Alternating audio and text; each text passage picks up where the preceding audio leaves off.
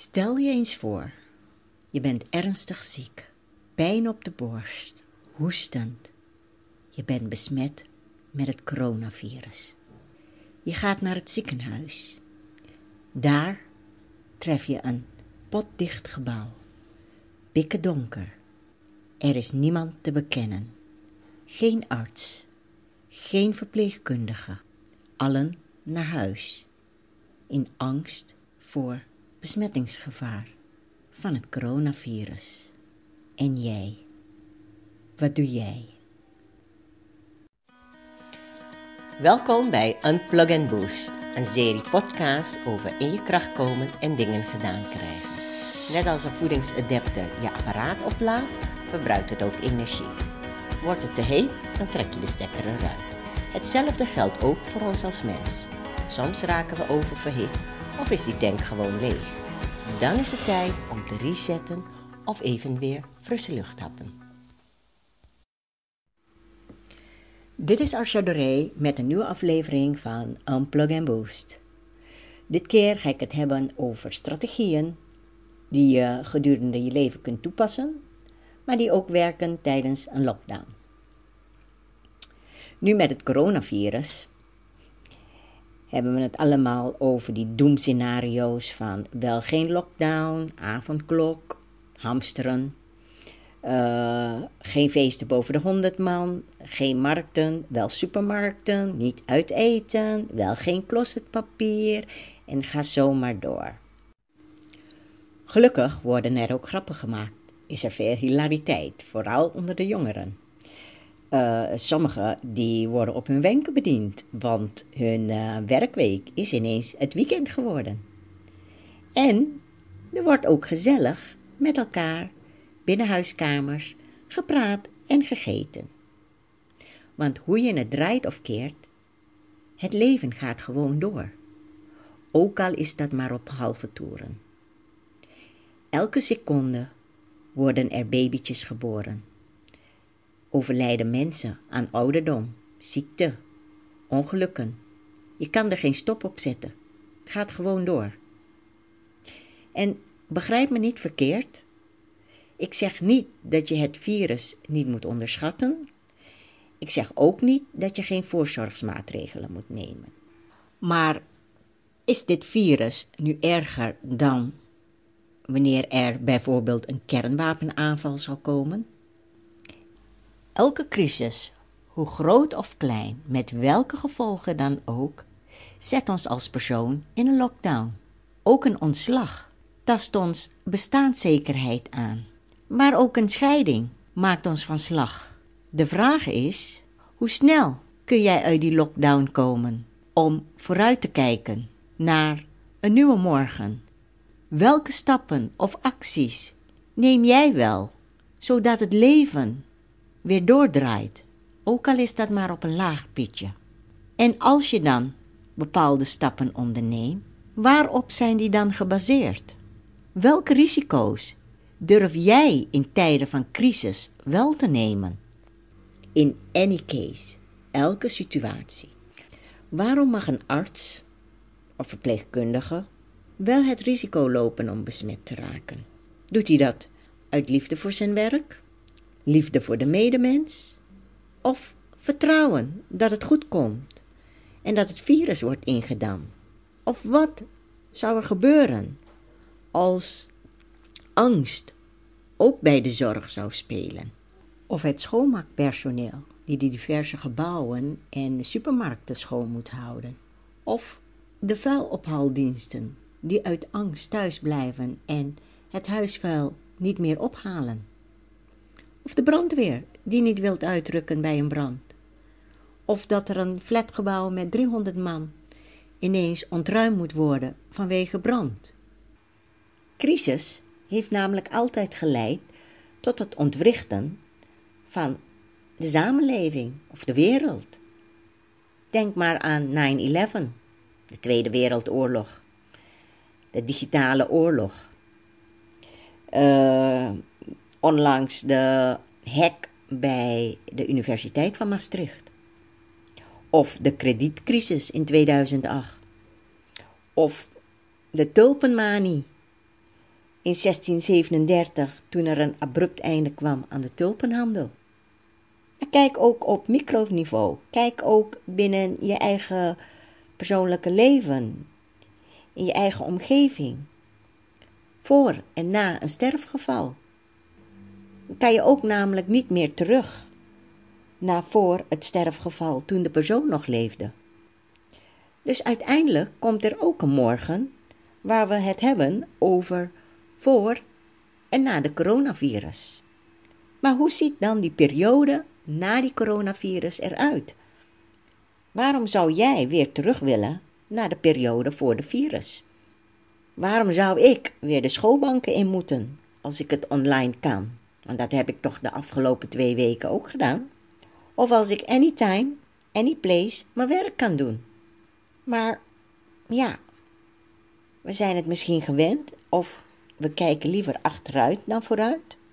Het verleden is vertrouwd. We weten wat we kunnen verwachten.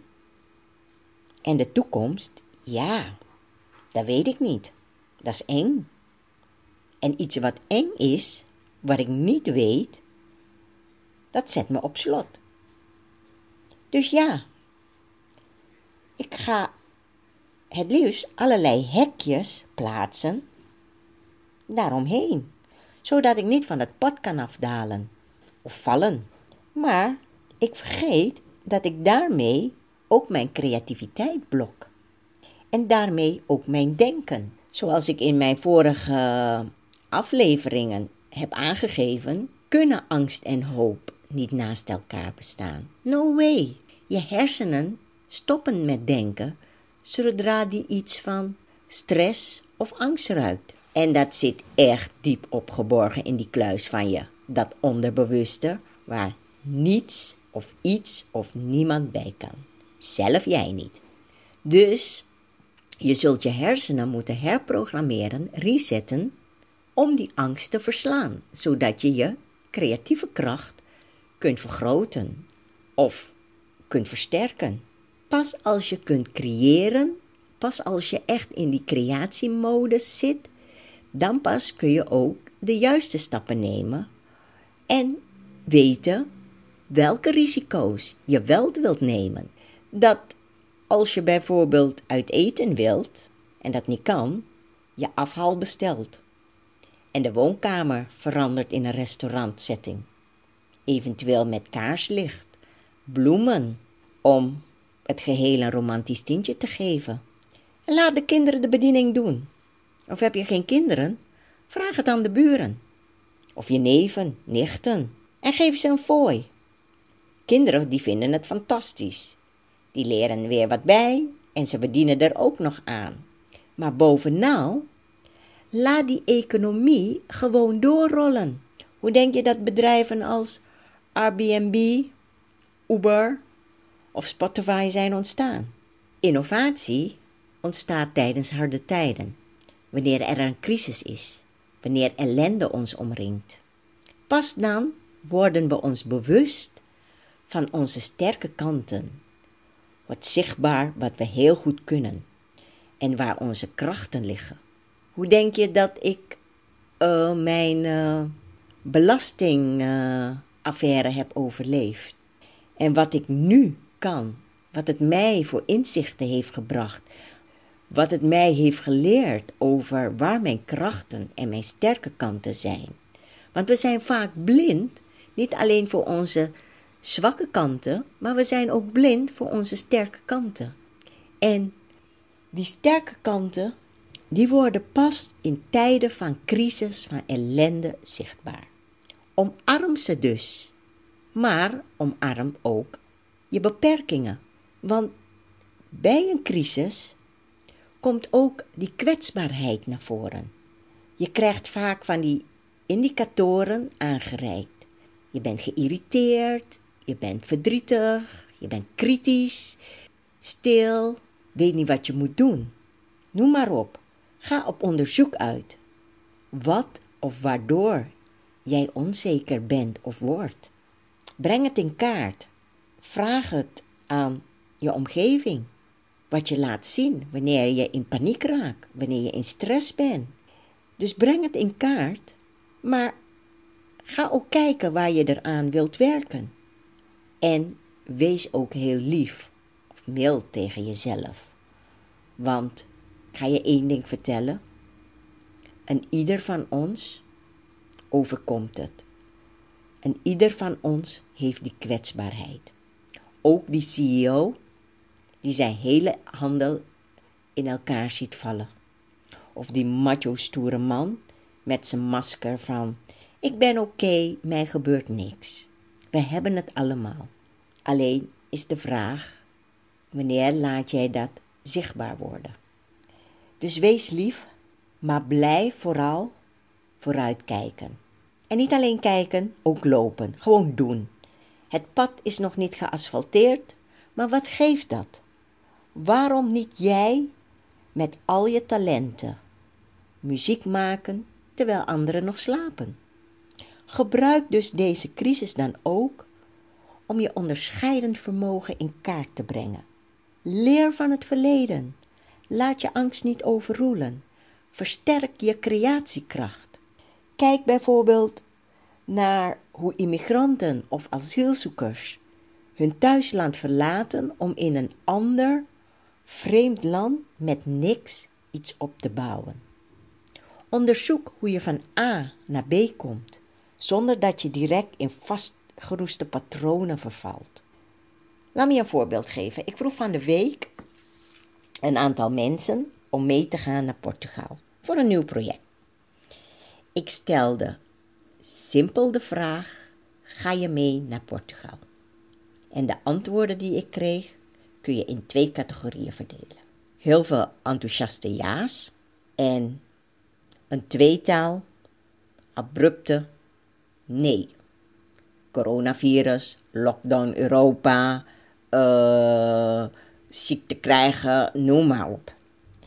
En de enthousiaste ja's, die kwamen van een groep die, om het heel kort te, te houden, die kwam van de mensen geboren na 81. Dat noemen wij eigenlijk de generatie Y, de generatie Z.